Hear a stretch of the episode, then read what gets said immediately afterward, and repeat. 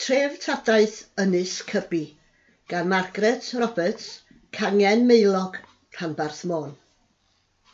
Ar arfordir gogledd orllewinol Ynys Môn mae Ynys Fechan, Ynys Cybi, sydd yn cynnwys tref Caergybi a phentrefi Trearddur, Rhos Colin a Ffont Rhyd y Bont.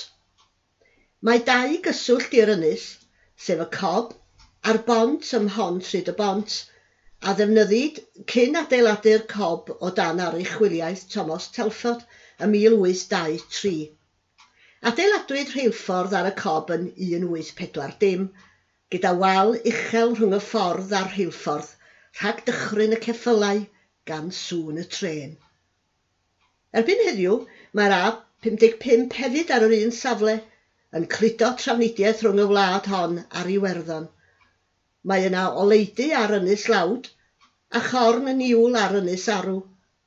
Rhwng y ddau ar ynys cybi, mae mynydd tŵr. Ar ôl oes yr ia, tua 7,000 o flynyddoedd cyn Crist, cododd y lefelau dŵr, ac fe ddaeth môn yn ynys gyda'r fennau yn ei gwahanu oddi wrth y tir mawr. Roedd helwyr oedd yn byw ar lannau'r ynys yn defnyddio offer ac arfau cerig.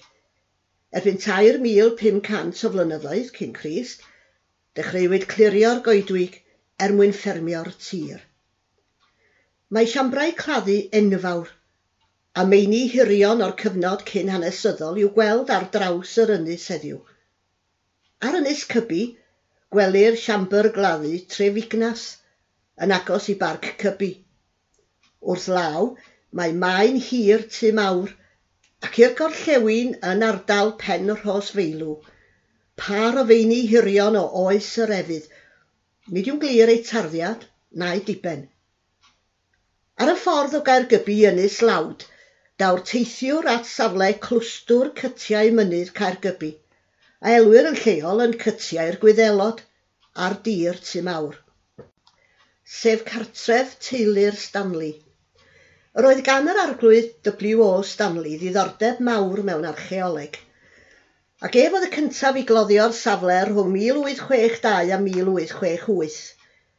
Fe esboniodd fod y safle'n perthyn i amser y Rhufeiniaid, a mae fod wedi darganfod deuddeg darn arian Rhufeinig mewn un cwt. Yn ddiweddarach yn y ganrif ddiwetha, darganfyddwyd fod pobl wedi bod yn byw yn ysbeidiol yno o 500 o flynyddoedd cyn Crist. Credir fod y gweddillion yn rhan o amryw o dyddynod ac adeiladau fferm.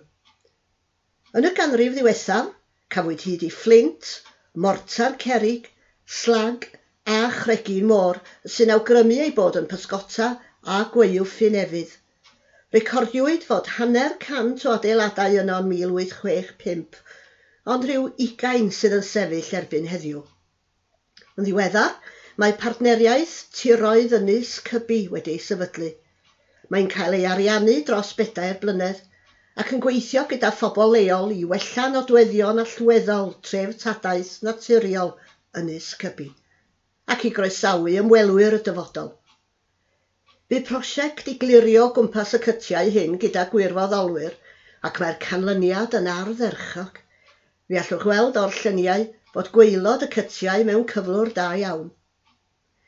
Anogaf unrhyw un sydd ag awydd ymweld â harddwch naturiol ein gwlad arbennig – i ddod am dro i Ynys Môn ac yn enwedig i ymweld â'r safleoedd cyn hanesyddol sydd ar yr ynys.